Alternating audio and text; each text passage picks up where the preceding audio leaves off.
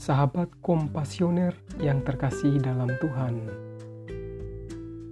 Bahan refleksi hari ini diambil dari 2 Korintus bab 9 ayat 6 sampai dengan 10 dan Yohanes bab 12 ayat 24 sampai dengan 26.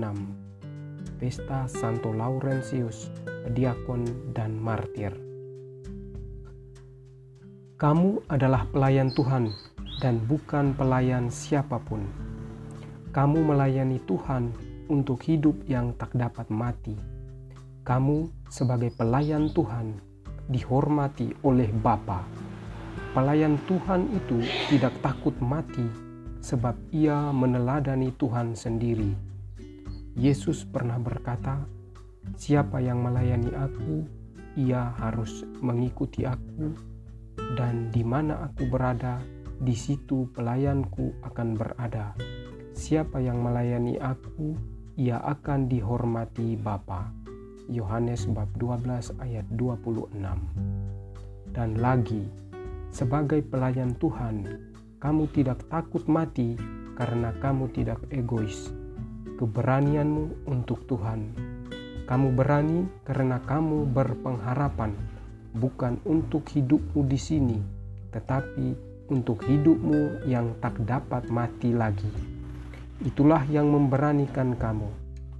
Kamu memelihara nyawamu untuk hidup yang kekal. Yohanes bab 12 ayat 25. Hal itu mutlak perlu sebab kamu tidak dapat hidup selamanya kalau kamu tidak mati terlebih dahulu. Semuanya itu telah diumpamakan Yesus seperti biji gandum yang jatuh ke dalam tanah dan mati yang menghasilkan banyak buah. Yohanes bab 12 ayat 24. Kamu sebagai pelayan Tuhan akan diganjar seturut pelayananmu. Paulus berkata, siapa yang menabur sedikit akan menuai sedikit juga, dan orang yang menabur banyak akan menuai banyak juga. 2 Korintus bab 9 ayat 6. Di atas semua itu, kamu sebagai pelayan Tuhan diminta melayani dengan seluruh kerelaan hati.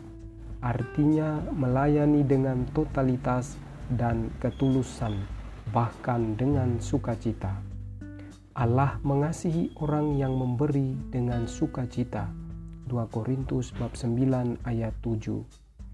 Allah bukan hanya mengasihimu, tetapi akan mengaruniakan kepadamu segala keperluanmu, agar kamu berkecukupan dalam segala sesuatu, bahkan berkelebihan di dalam kebajikan. Kamu, sebagai pelayan Tuhan, layanilah Tuhan dalam seluruh hidup dan peziarahanmu. Layani Tuhan seperti Laurentius melayani Paus Sixtus kedua 257 sampai 258 sebagai seorang diakon. Ia melayani Siri Paus hingga ke kematiannya.